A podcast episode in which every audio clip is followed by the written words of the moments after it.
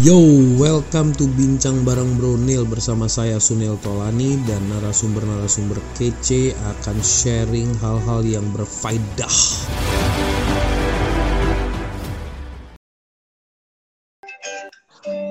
Halo, Apa kabar, bos? baik. Apa kabar bro? Can you hear me oke? Yes, suaranya bagus nih. Oke, sip. Teman-teman, suaranya kedengeran?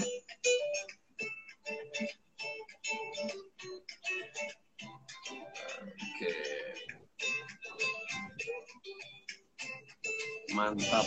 Oke, good. Nikmatin musiknya dulu ya, coach juga dan teman-teman nikmatin musiknya dulu.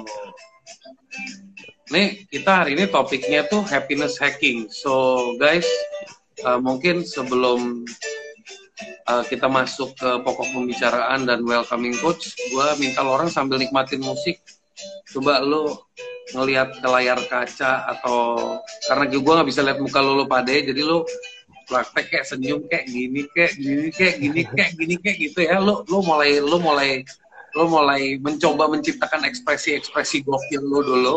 So you are in tune later on with this session. Karena sessionnya bisa seru, bisa deep, bisa kompleks, tergantung. We'll see how it goes ya. Yo, gitu. Bro, gimana bro? How how have you been spending your weekend? Good, it's been productive. Tadi pagi baru selesai kelas tentang wisdom, Uh-huh. Uh, researching a lot of stuff, baca buku. Michael Hall baru keluarin buku baru, jadi baru baca buku baru dia. Namanya apa tuh buku barunya tuh? Hypnotic Language. Oh, oke, nice. Mhm. Oke, now we start. Welcome to Bincang Bareng Bronil. Hari ini gue mengundang sosok yang gue sudah dengar. Nah ini lucunya nih, gue udah dengar banyak soal dia dari sohib gue yang namanya Mas Pras. Dan lucunya lagi, ternyata adiknya dia sama adik gue itu pernah adik sepupu gue tempatnya. Pernah satu kuliah ya, satu tempat kuliah ya. Ya, teman baik. Ya, ya teman Mhm. baik malah. Uh, uh, dan Ya, uh, bahkan juga saya kenal kok. Ya.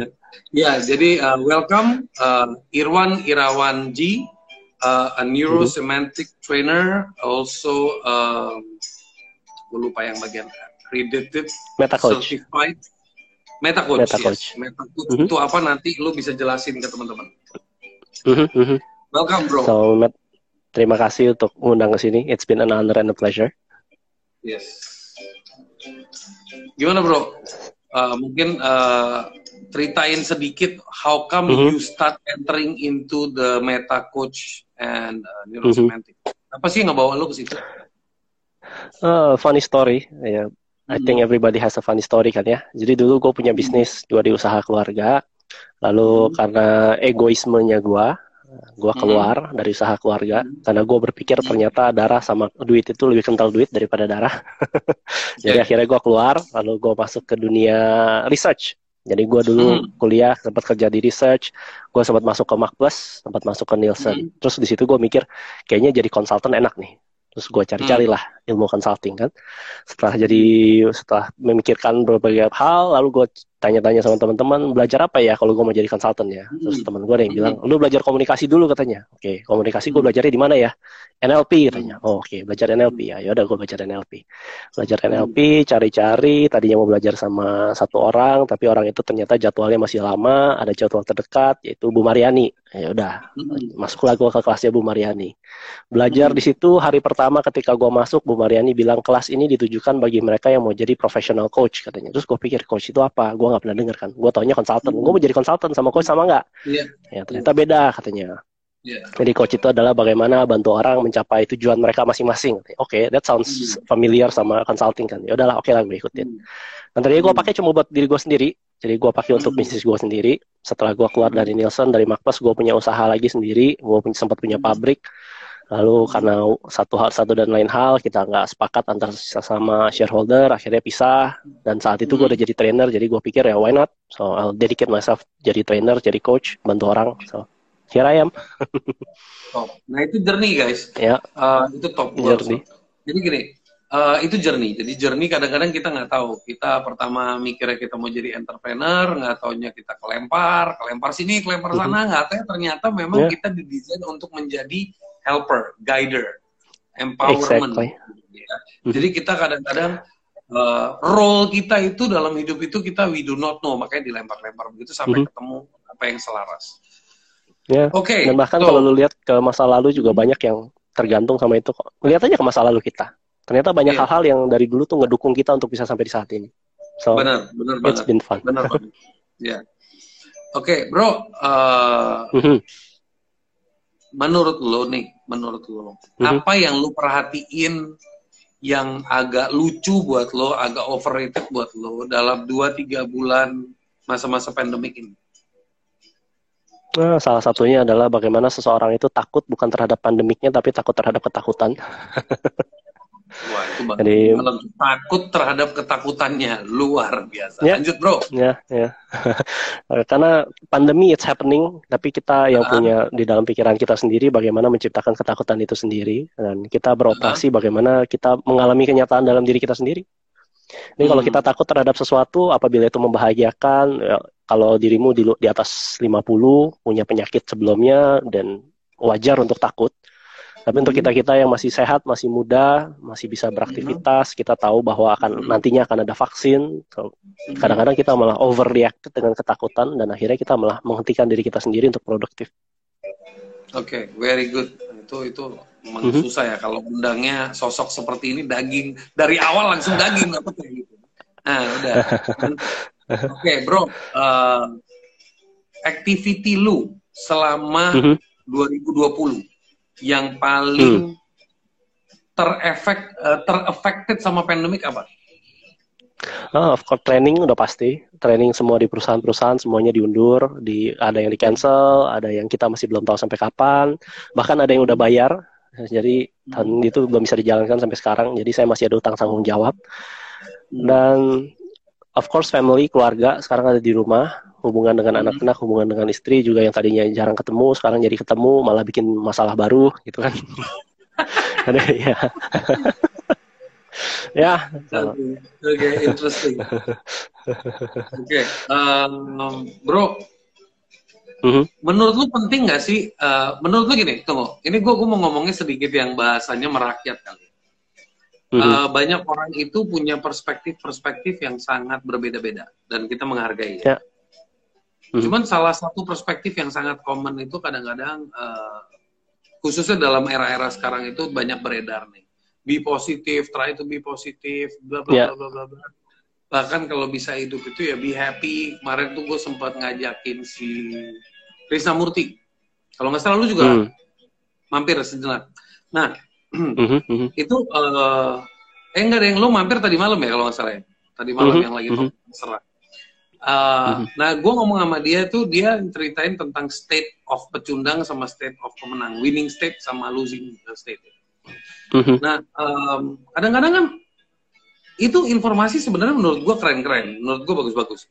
Tapi ada orang yang bilang, mm-hmm. well, it's all interesting, well, it's all good to hear, good to know, tapi lu pada nggak lagi kasih gue solusi konkret.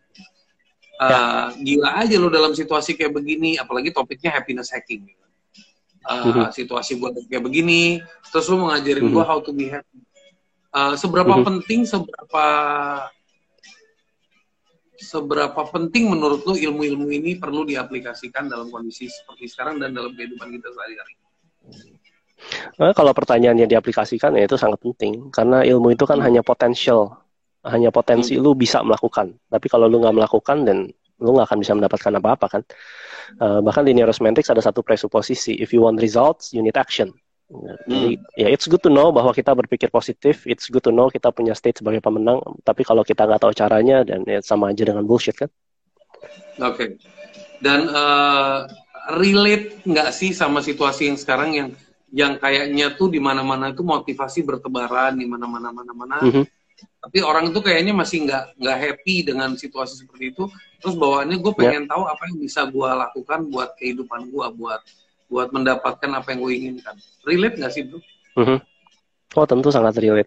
Uh, lu cuma tahu lu cuma punya potensi, tapi kalau lu nggak melakukan ya lu nggak bisa apa-apa kan. Ya misalnya sekarang lu dikasih motivasi, gue bisa motivasi lu, pokoknya lu bisa sukses, pokoknya lu bisa kaya, lu bisa di dalam pandemi ini lu nggak perlu takut. And yet kalau kenyataan dari tiap kita beda-beda, kenyataannya kita sekarang nggak punya kerjaan, kenyataannya kita sekarang sedang mengalami masalah, baik rumah tangga, baik finansial, baik mungkin punya penyakit, dan of course hmm. dirimu akan takut. Sehingga kadang-kadang gue mikir, ini sama kayak Om Pras juga kita sering ngomong begini bahwa tidak ada sebenarnya yeah. pikiran yang positif yang negatif. Pikiran hmm. negatif kadang-kadang perlu juga kok. Kita butuh kita butuh yeah. waspadanya dari pikiran negatif itu kan. Jadi yeah. pecundang bagus gak? In a sense bagus juga. Kalau memang ini bukan bidangmu dan siapa tahu suatu saat kayak gue dulu bangkrut dan terus gue hmm. pikir well ini ternyata gue lose di sini tapi gue win di, di tempat lain kan. Nah, hmm. sehingga bagaimana berpikir dari dua sisi, berpikir seimbang, ini yang perlu kita latih sendiri sebenarnya. Oke. Okay seru. Bro, sekarang kita hmm. masuk ke topik utama. Teman-teman hmm. ngikutin dulu nih topiknya. Nanti yang punya pertanyaan, saran saya jangan langsung nanya pas lagi ngobrol, kasih jeda sedikit, uh, mungkin habis 30 menit. Nanti kita mulai sesi pertanyaan. Hmm. Oke, okay. sure. uh, bro. Topik hari ini adalah happiness hacking. Uh, hmm. Lu bisa share nggak? Kenapa lu itu? Gua gue ikut dalam grupnya dia dan dia hmm ngajarin banyak tentang soal pemahaman dan pengertian how to be happy gitu. Uh, kenapa sih lu milih topiknya itu sampai lu uh, bikin bikin spesifik niche ke situ, bro? Mm -hmm. uh, first of all, pertama-tama ya karena gue juga mencari. Uh, hmm. Gue nggak bisa bilang bahwa orang yang ngajarin happiness akan selalu happy. Jadi ini hmm. salah satu pergumulan gue, salah satu apa yang gue pikirin sejak lama, semenjak bahkan dari dulu waktu gue masih kuliah gitu kan. Hmm. Gue pikir-pikir hidup gue happy nggak? Ternyata happy, tapi ada nggak happynya juga. Kenapa gue hmm. lebih banyak mikirin yang gak happynya daripada yang happynya? Hmm. Lalu gue pikir-pikir hidup gue fine-fine aja, hidup gue masih enak, gue masih bisa hidup nyaman di Jakarta. Lalu kenapa gue nggak happy ya? Dan gue menemukan dari berbagai buku yang gue baca, ternyata kita ini punya cara pikir yang salah tentang happiness itu sendiri. Jadi kalau di hmm. Amerika, bahkan di Amerika kan ada bilang, uh, everybody can have the pursuit of happiness. Dan ternyata itu hmm. sendiri banyak disalahartikan. Disalahartikan hmm. oleh orang-orang mengira bahwa happiness itu something yang untuk dipersu, untuk dikejar, untuk dicari. Yeah. Dan akhirnya menemukan bahwa happiness itu ternyata bisa diciptakan, bisa dibuat, bisa didapatkan dari dalam, bukan dari luar. Jadi sebenarnya uh, itu karena keegoisan gue sendiri karena gue juga mau happy sih. Dan Michael Hall guru gue pernah bilang untuk kita bisa belajar sesuatu kita perlu mengajar.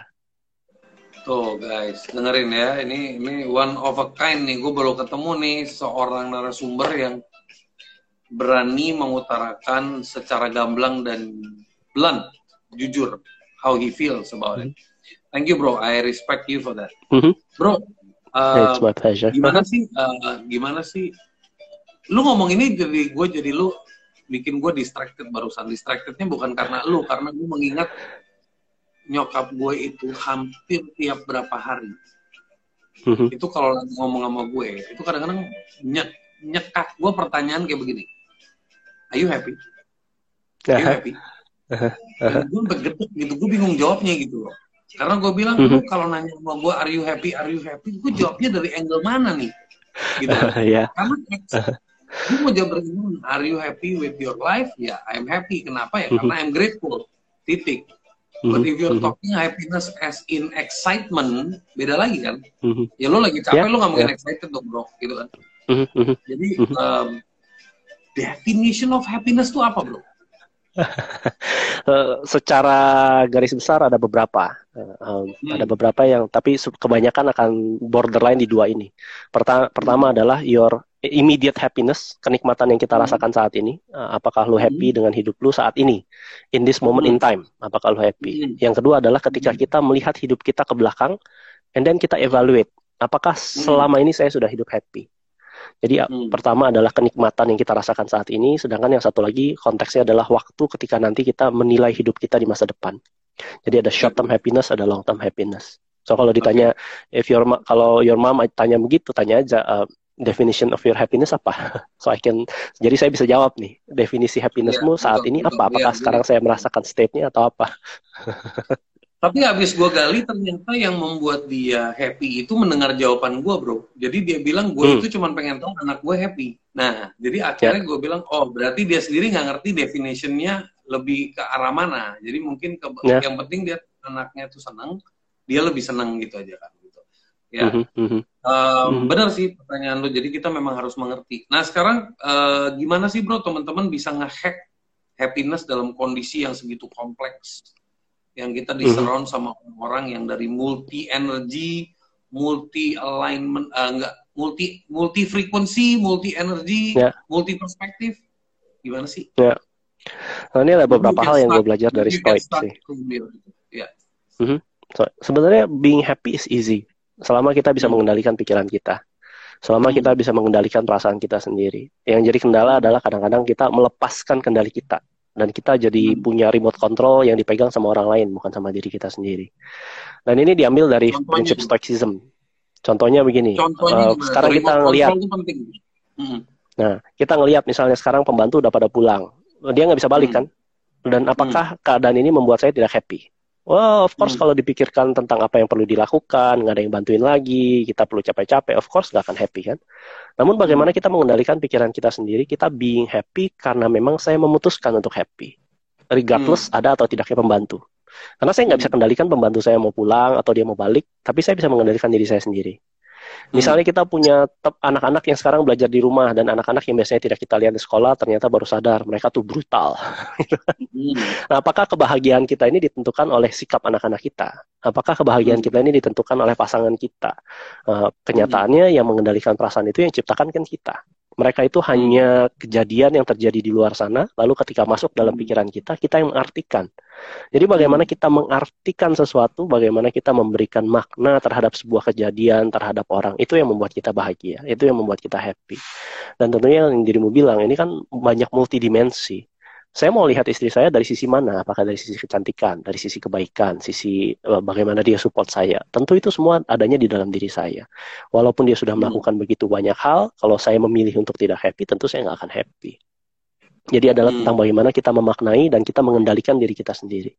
Karena kita nggak pernah bisa mengendalikan orang lain, kita nggak akan pernah bisa mengendalikan keadaan, tapi yang bisa kita kendalikan hanya diri kita sendiri. Jadi prinsip kendali di Stoic yang lalu terbawa ke positive psychology dan akhirnya terbawa ke NLP dan bahkan ke neurosemantic sendiri. Luar biasa. Bro, eh, mungkin lu bisa kasih cerita sebuah situation yang bisa teman-teman bisa relate gitu, Bro. Untuk lo, now is your time to start your training. Little bit training Ya. lah lo bagi-bagi di sini. Ya, ya sure.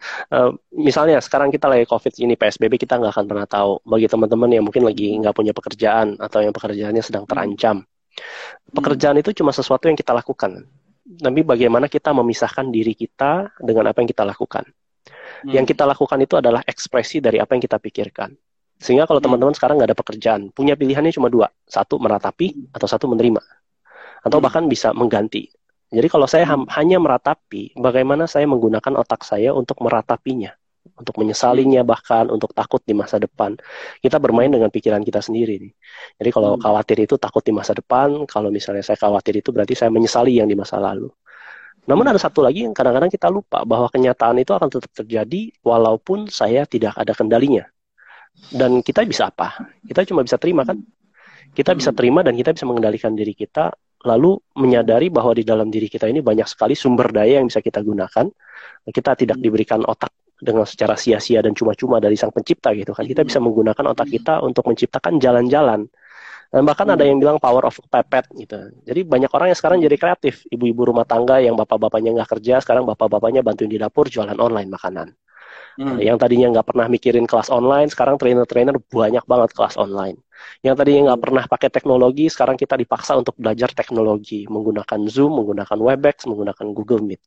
Anak-anak yang tadinya nggak pernah belajar didampingin orang tuanya, yang tadinya kita pikir, oh ini bakal bakal repot banget nih. Sekarang kita jadi belajar kembali pelajaran-pelajaran anak-anak dan mengetahui cara belajar anak-anak kita. Jadi kalau bagi teman-teman yang sekarang mungkin kehilangan pekerjaan, bisa dimaknai dua hal. Dan pemaknaan itu sangat terserah dengan bagaimana kita memaknainya sendiri. Apakah pekerjaan itu menjadikan kita orang-orang yang didefinisikan dalam arti sebagai orang yang gagal? Itu pilihan sendiri kan? Apa kita mendefinisikan ketika kita sekarang nggak ada pekerjaan, ini sebuah kesempatan nih. Kesempatan saya menciptakan diri saya yang baru, mencari karir saya yang sebenarnya, atau yang punya mimpi sekarang saatnya saya melakukan. Dan nggak perlu juga melakukan hal-hal yang besar-besar, mulai dari yang kecil-kecil aja. kita nggak akan pernah tahu kok kita akan end up-nya di mana dan kalau kita nggak bisa terima kenyataan itu dan kita akan menyiksa diri kita sendiri dengan ketakutan atau dengan kekhawatiran. Dan dan realnya banyak sekali yang terjadi sekarang. Banyak orang yang tadinya punya masalah di dalam pekerjaan lalu ketika mereka dipecat sekarang mereka tidak ngapa-ngapain. Akhirnya mereka ada beberapa yang bilang now I find my passion karena mereka punya waktu berpikir, mereka tidak punya lagi kegiatan-kegiatan sehari-hari, mereka bisa memikirkan passion mereka. Ada yang tadinya di rumah tangganya mulai berantakan, lalu karena, karena sekarang ada PSBB, jadi waktunya banyak sama istrinya, lalu mereka bisa berbicara, mereka bisa menyembuhkan, pemulihkan kembali keadaannya.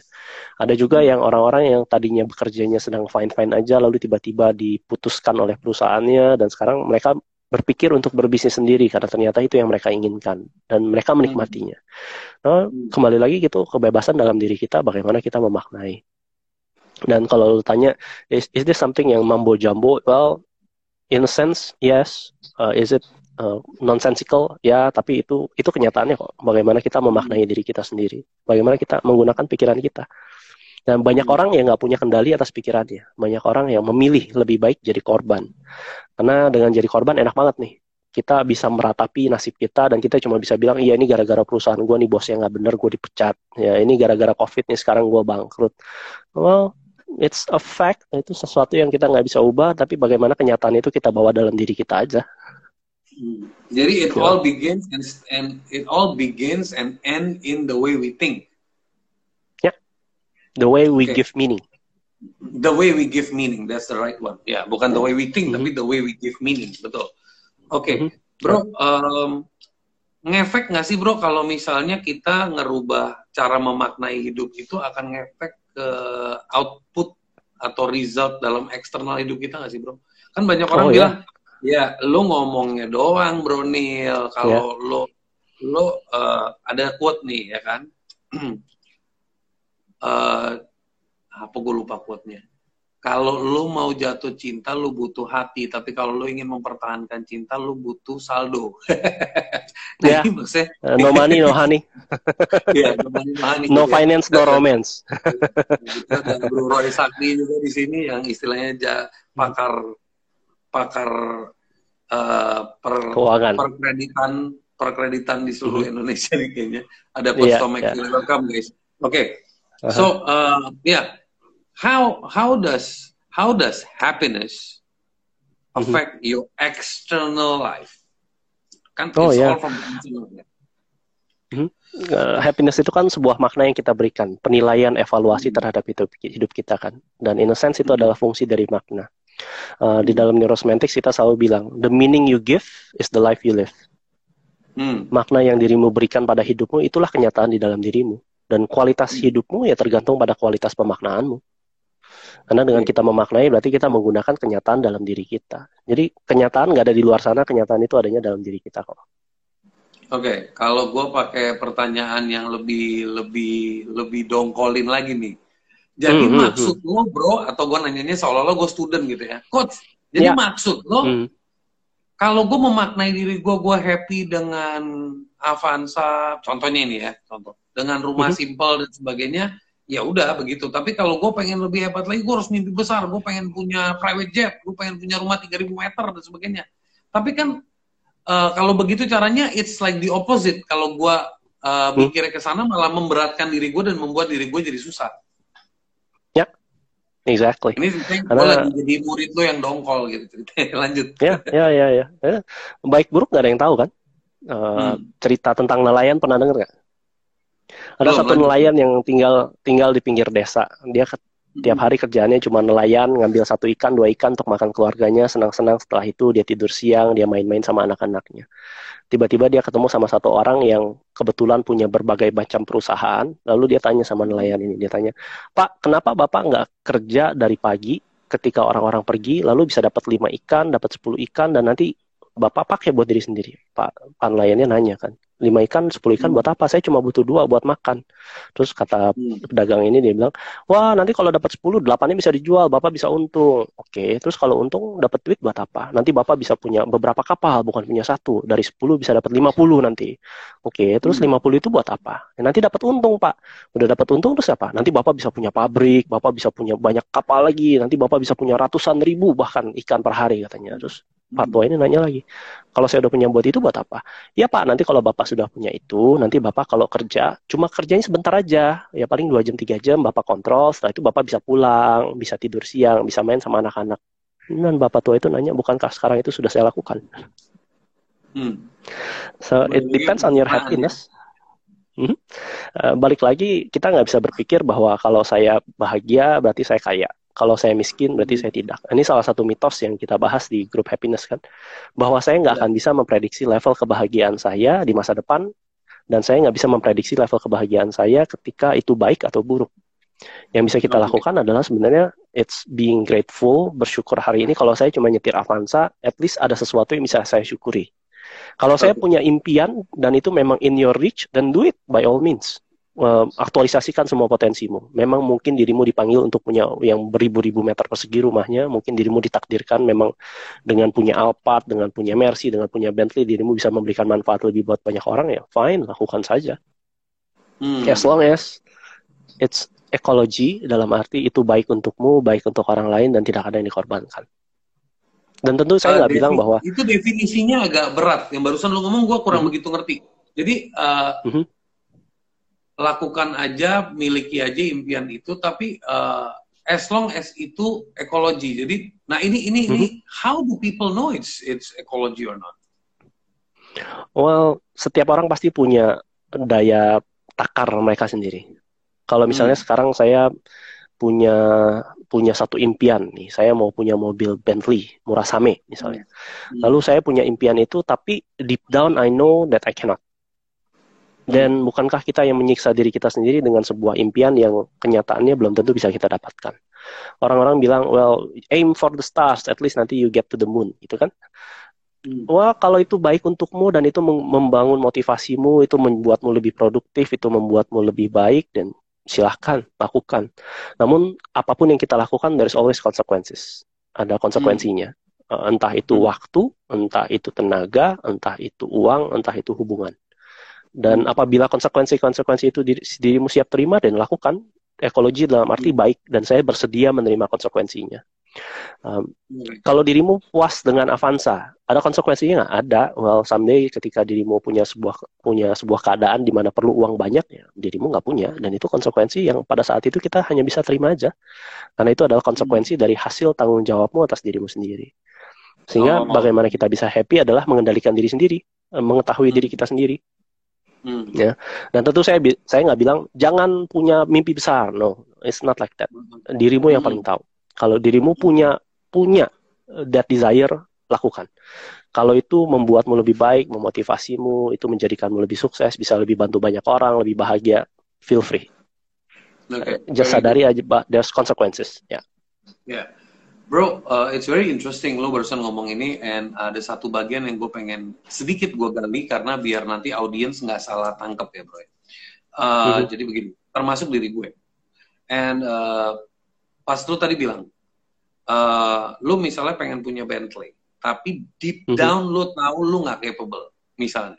Yeah. Now when you said that, pertanyaannya adalah, ini ini just perspective apakah mm-hmm. gue memvalidate deep down itu gue nggak mampu as in uh, keep it on hold mampukan diri gue dulu baru gue reactivate the dream atau atau itu adalah mental block yang katanya banyak orang menjat sebagai mental yeah. block. Sebenarnya lo mampu, cuman emang mental block bilang lo nggak mampu.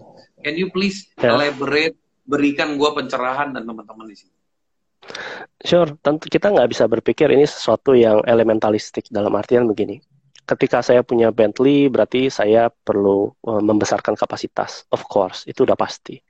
Lebih hmm. baik daripada kita menginginkan Bentley-nya, lebih baik kita benar-benar akses diri kita. Dan kalau kita, memang kita hmm. ingin that Bentley, dan ciptakan motivasi yang begitu besar di dalam diri kita untuk menciptakan proses sehingga kita bisa masuk ke sana. Hmm. Dan yang dimaksud dengan proses adalah ya dengan cara pikir yang lebih baik, punya skill yang lebih baik, koneksi yang lebih baik. Dan apakah mental block jelek? Kalau kita berpikir secara hitam putih, ya mental block jelek. Namun ada nggak mental block yang baik? Ada juga. Sehingga kita bisa berpikir dari dua sisi. Punya Bentley bagus nggak? Bagus. Ada jeleknya nggak? Ada. Jalanan Jakarta siapa yang mau pakai Bentley itu kan? uh, mungkin ya top 0.0001 persen gitu kan? Um, lu Bentley mau punya Ferrari, by all means. cocok, yang nggak cocok itu apa? Lamborghini bisa meledak Nah, kalau ya, kebakaran di pinggir jalan gitu kan lucu gitu kan. By all means kalau mau jadikan motivasi sebagai sumber inspirasi fine lakukan. Tapi setelah itu adalah menyadari apa yang sudah ada di dalam pikiranmu. So bukan mental blocknya tapi apakah pikiran itu berguna. Kalau sekarang saya Hmm. punya motivasi mau cari Bentley, apakah pikiran saya saat ini berguna untuk saya bisa mencapai itu, menciptakan prosesnya, menciptakan uh, state-nya untuk bisa ke sana. Dan kalau itu tidak berguna ya ganti. So, ketika kita punya pikiran, ketika kita punya perasaan yang mungkin takut atau apa, ya tinggal ditanyakan, toh berguna nggak ini? Kalau nggak berguna, ya ganti. Kalau berguna, apa Hmm. gunanya? Cari gunanya. Eh, segala state kita bisa cari gunanya kok. Maksud positif dari perasaan ini apa? Saya takut, saya khawatir. Oke, maksud positifnya apa? Itu baru bisa kita dapatkan ketika kita berteman dengan perasaan itu sendiri. Oh, jadi banyak orang-orang yang khawatir sekarang nggak bisa happy ya. Kita perlu berteman dengan perasaan itu. So just accept, terima aja. Oke, saya khawatir karena keadaannya saat ini. Dan kalau keadaannya saat ini seperti ini, so maksud positif dari perasaan ini apa? Dan biasanya dari situ akan ketemu jawabannya sendiri. Oke. Ya. Eh, ini gue seling seling pertanyaan dulu ya, seling pertanyaan. Mau tanya dong, apakah bermimpi itu harus mengukur kemampuan saat ini? Artinya mimpinya ditakar sama situasi hari ini dari Ani. Hmm. So, Mbak Ani, terima kasih pertanyaannya. Ini ini sesuatu yang kita perlu juga berpikir nggak bisa hitam putih. Mimpi, kemampuan. Seolah-olah kalau saya perlu punya mimpi, saya perlu punya kemampuan. Kalau saya punya kemampuan, baru saya punya mimpi. Berpikirnya seperti ini.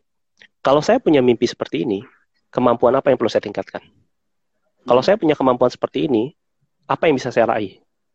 Sehingga bukan satu mengalahkan yang satunya, tapi kalau saya punya mimpi dan saya tahu mimpi ini berharga buat saya, saya yang tentukan nih, saya yang kendalikan. Saya mau mimpi ini. Dan kalau saya punya mimpi ini, saya assess diri saya, saya punya skillnya nggak? Kalau nggak punya, ya kita mampu mengubah ini juga kan, kemampuan yang kita naikkan. Hmm. Dan banyak orang yang mereka punya mimpi yang bagus, tapi nggak mau akses dirinya bahwa uh, that's not for you, itu hanya sesuatu yang diberikan oleh orang-orang di luar sana kepada kita, lalu kita percaya begitu aja bahwa to be happy, dirimu perlu punya rumah dua lantai, dirimu perlu punya mobil, punya motor, punya anak, punya istri, whatever.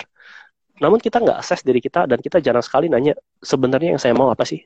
Kita tidak pernah mengambil kendali atas diri kita sebenarnya yang saya mau apa. Dan Hmm. bagaimana yang saya mau ini bisa menentukan kebahagiaan saya. Karena kriteria bahagia tiap orang beda-beda. Kalau saya menentukan bahwa mimpi ini ada di dalam kriteria bahagia saya, ini penting buat saya. Ya skillnya saya naikkan, saya untuk mencapai dia kan.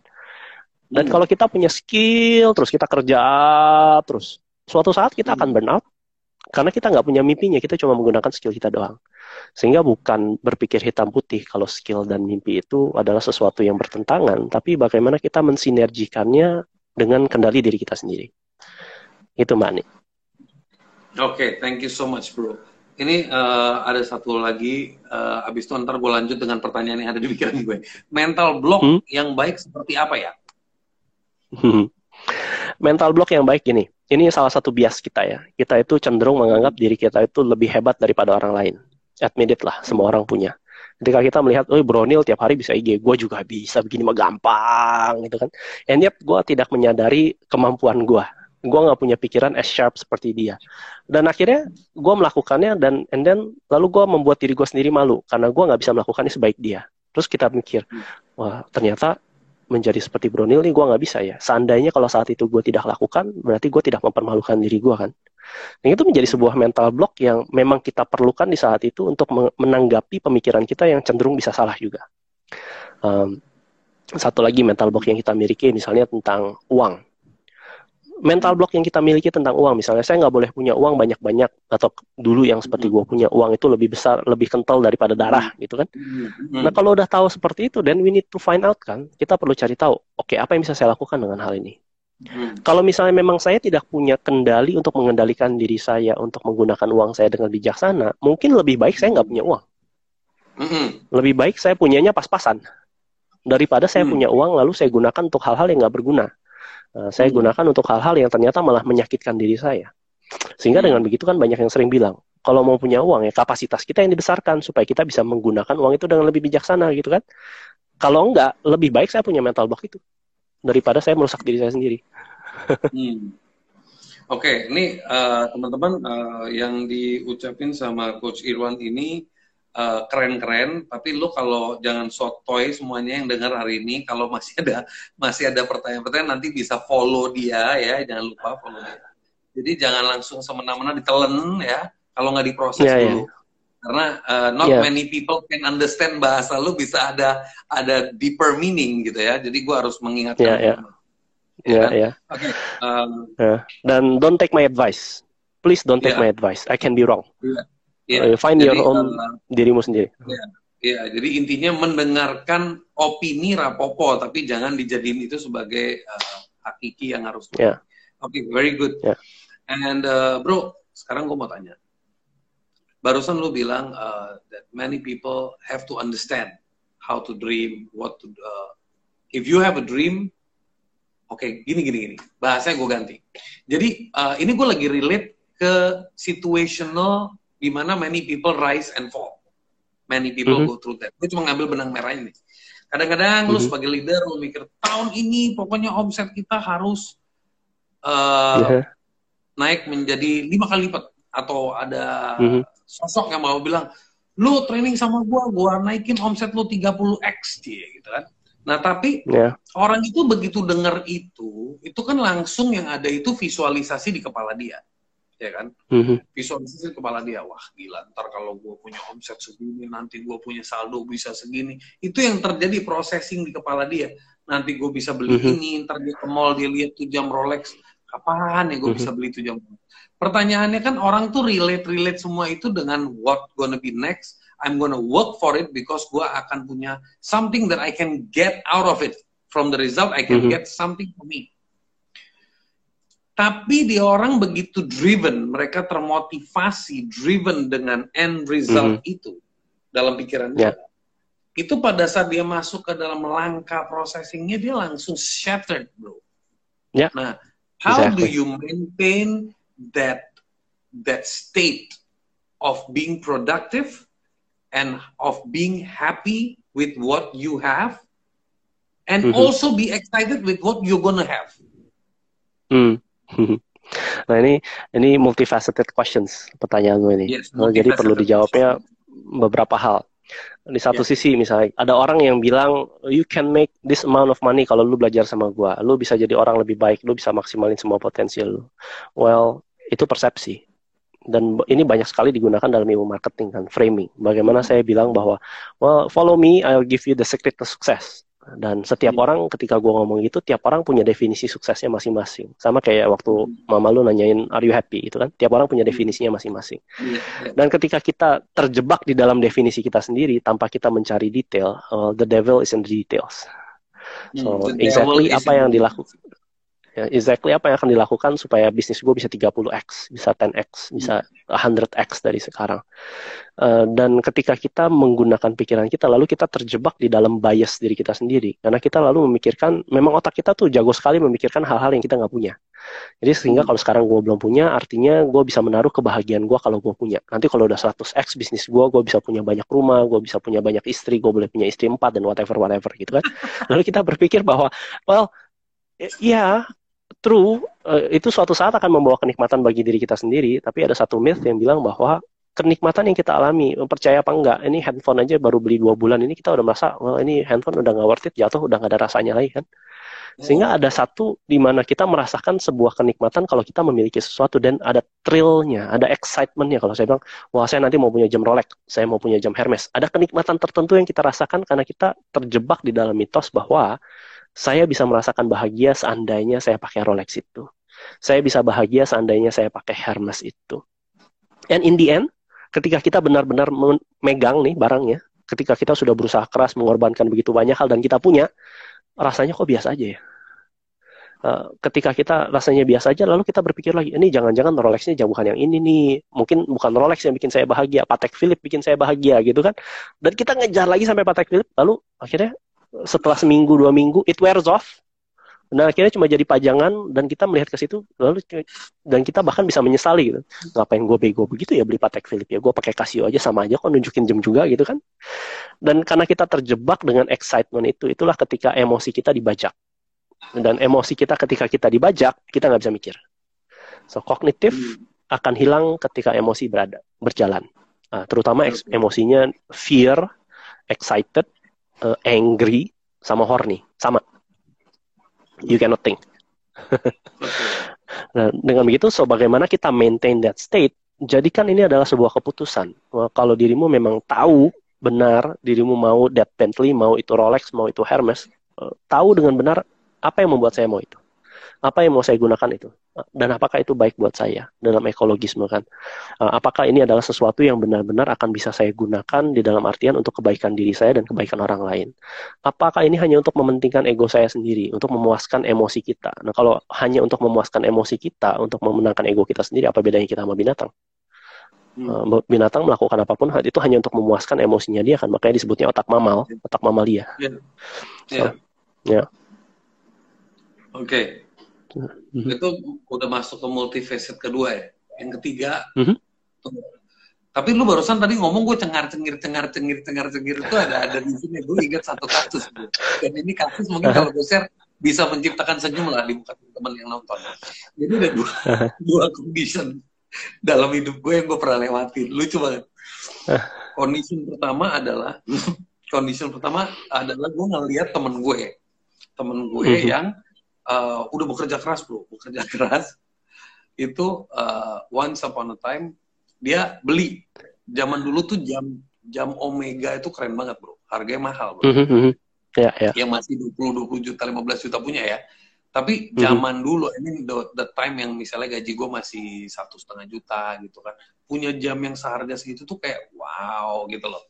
Ya. Mhm. dan teman gue pernah lah beli terus nongkrong dia show off dong dia datang ke perkumpulan itu udah capek-capek dia beli bro yang ada palsu kali nih dari Mangga Dua nih gini gini gini, gini. Ya kan?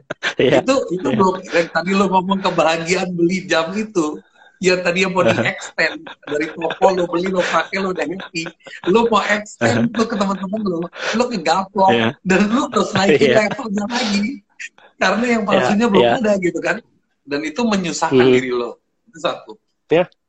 Ya. dan kedua gue pernah nih gue kerja sama bos gue gue masih ingat kita pergilah ke Cungko bro jadi Mhm. di Cungko itu ada yang jual jam Bulgari dia persis kayak dia Aha. jam Bulgari itu waktu itu dia punya itu value-nya sekitar 5000 dollars back in the days Mhm.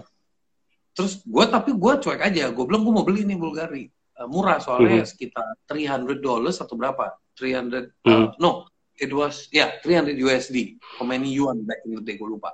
So Mhm. barang gocap tiao bahkan lakcap tiao lu dapat di City apa 2 juta 3 juta not bad lah. Dan dilihat Mhm, semuanya bener pokoknya kualitinya udah mantap sampai gua bos gua kan punya jamnya jadi bisa di compare langsung Ya. gitu loh. Bos gua begini Ya. dia begini. Wah jangan-jangan ini jam beginian cuma ditempelin serial nomor dijual sama Bulgari ke gue. Jadi istilahnya gue ket, gue ketipu. Dia, dia bisa mikir begitu ngerti nggak lo? Sebaliknya kan Ya, dia ya. ketenangan dia serial number.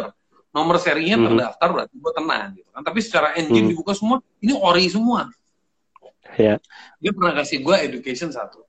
Neil sehebat hebatnya lo lo ke pesta. Nih kita tukeran nih jamnya nih. Lo ke pesta. Lo pakai jam yang asli gue pakai jam lo yang palsu. Ini bos gue ngomong orang semua bakal anggap jam gue asli jam lo palsu dan Ya, pada saat dia exactly. ngomong itu gue langsung what's the point of showing the world that you are uh, great or having this gitu. Ya.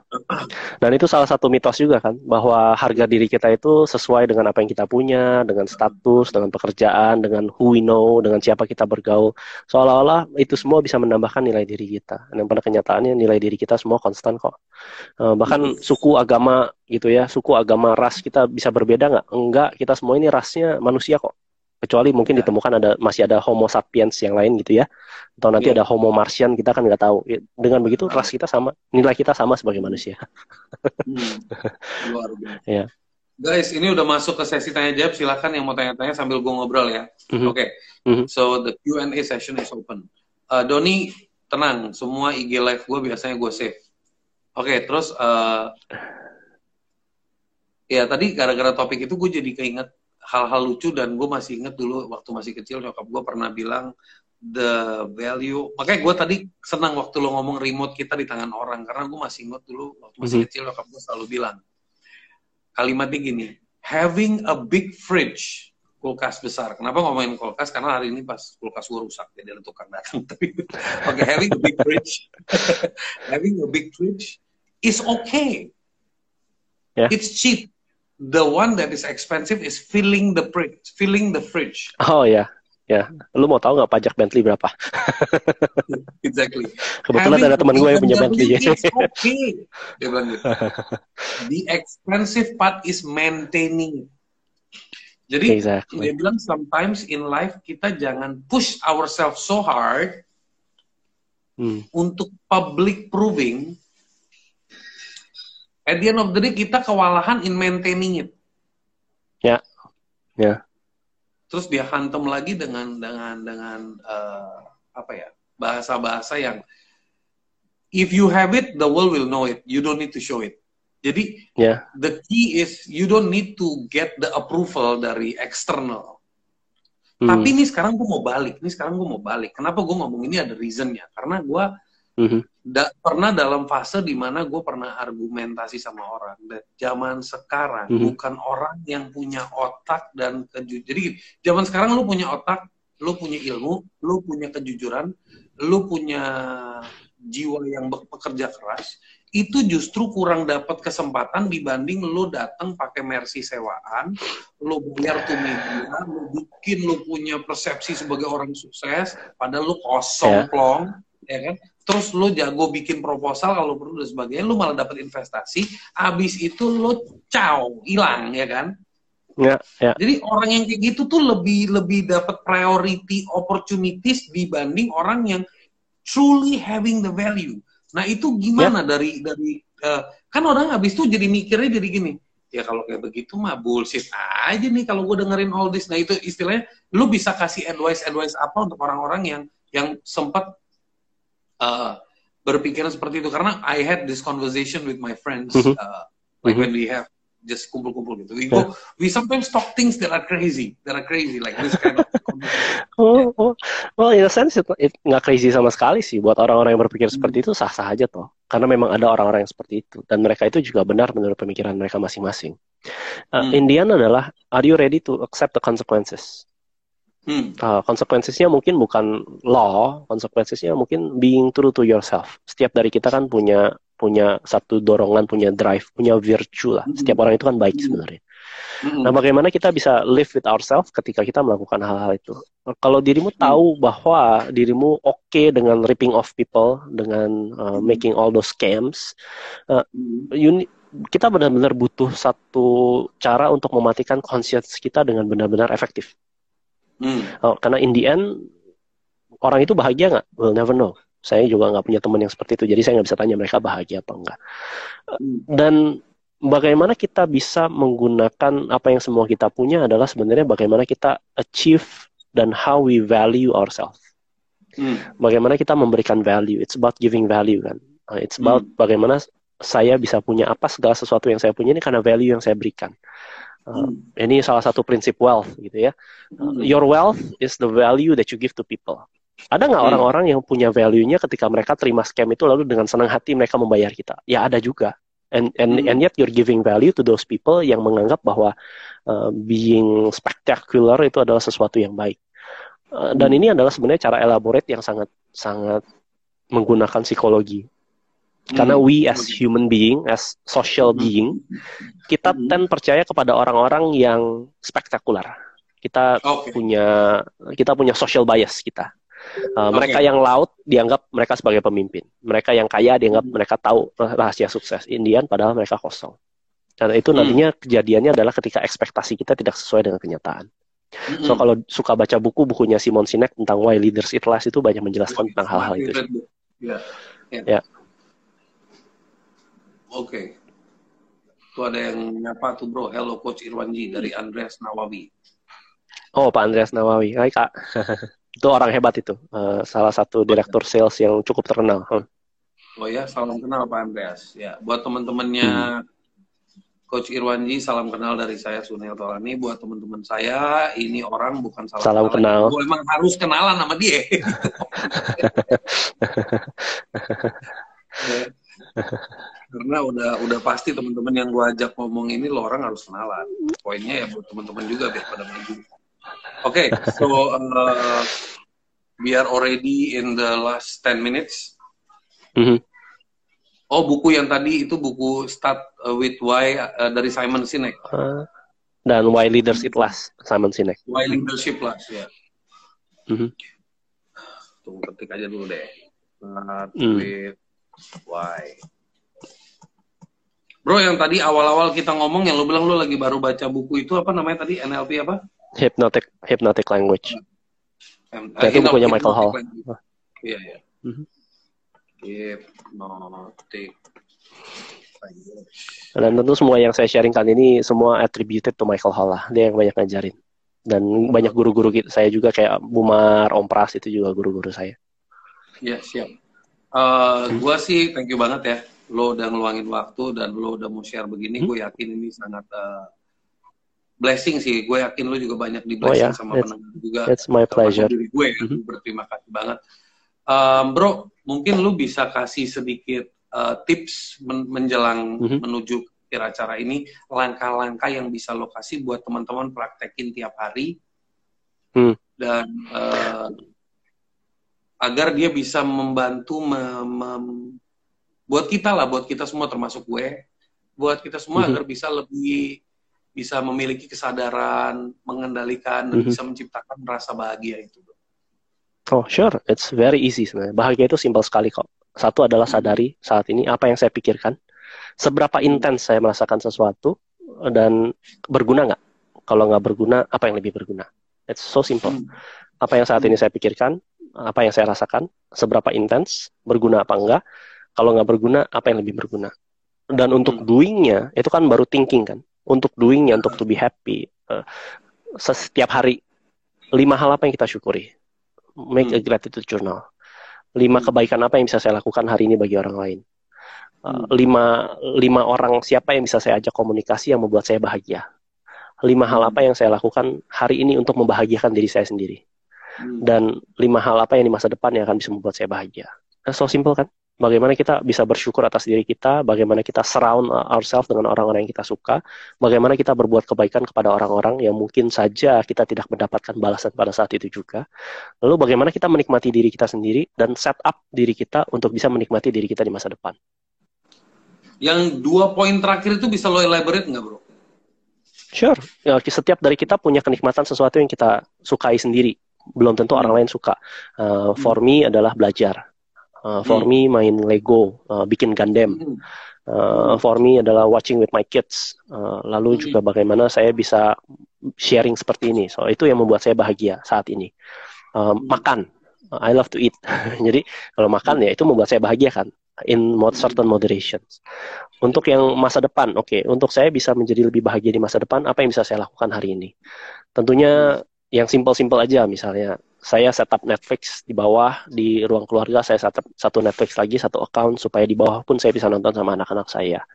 Supaya saya bisa makan enak besok saya sudah mempersiapkan uh, karena besok lebaran jadi saatnya kita berpesta kan saya sudah mempersiapkan daging-daging yang bisa saya masak untuk besok. Lalu untuk bisa belajar saya baca buku. Artinya besok saya akan bertumbuh lebih lagi saya menjadi orang yang lebih bijaksana lagi. Lalu untuk saya bisa bermain dengan Lego ya pesan di Topet So because I like that stuff, uh, buat saya it's worth it. Itu sebuah pengorbanan yang bisa saya ambil. Karena saya suka Gundam, ya kembali lagi nonton-nonton, siapin download-download atau bahkan di Netflix kan kita bisa download kan film-film yang bisa kita tonton dan siapin itu aja yeah. untuk mempersiapkan besok hari libur dan I can spend my time to to actually enjoy myself. So it's okay to enjoy yourself as long as it's ecological. Dan dan tentu juga kita perlu berpikir apakah kenikmatan saya ini mengorbankan orang lain bayangkan kalau saya seharian main Lego terus istri saya sibuk-sibuk di dapur sendirian tentunya a happy wife is a happy life. That's instead of no money no honey a happy wife is a happy life. So those things yang simple-simple yang bisa kita lakukan. nah, ikatan suami takut istri hidup.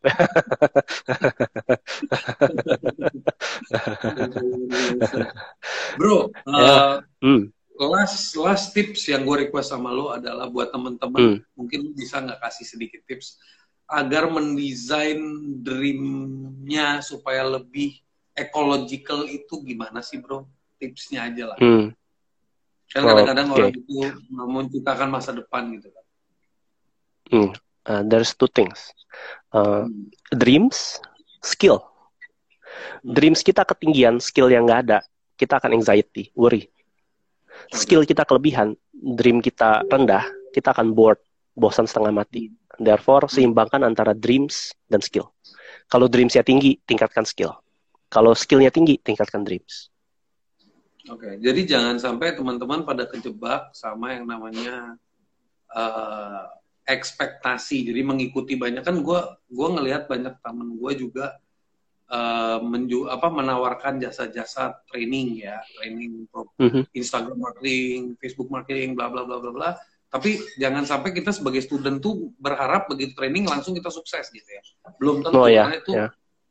ya, kadang-kadang orang suka salah persepsi kan bro. Nah itu sih. Hmm, ya. Jadi uh, So, so knowledge much is potential, doing it is Ya. reality. Mhm. Yes. Thank you, Bro Neil. Thank you so much. Bro, thank you so much. Nanti kita akan Mhm, adakan my sesi pleasure. yang lebih deep lagi one day. Semoga berkenan. Thank siap, you so much. siap. Oke. Thank you, thank you. Good luck teman-teman semuanya. Good luck. Jangan lupa kita selfie dulu, senyum dulu ya. The happiness hacking. Gimana nih selfie-nya nih? Satu, dua, tiga. Bentar, bentar, tunggu, tunggu.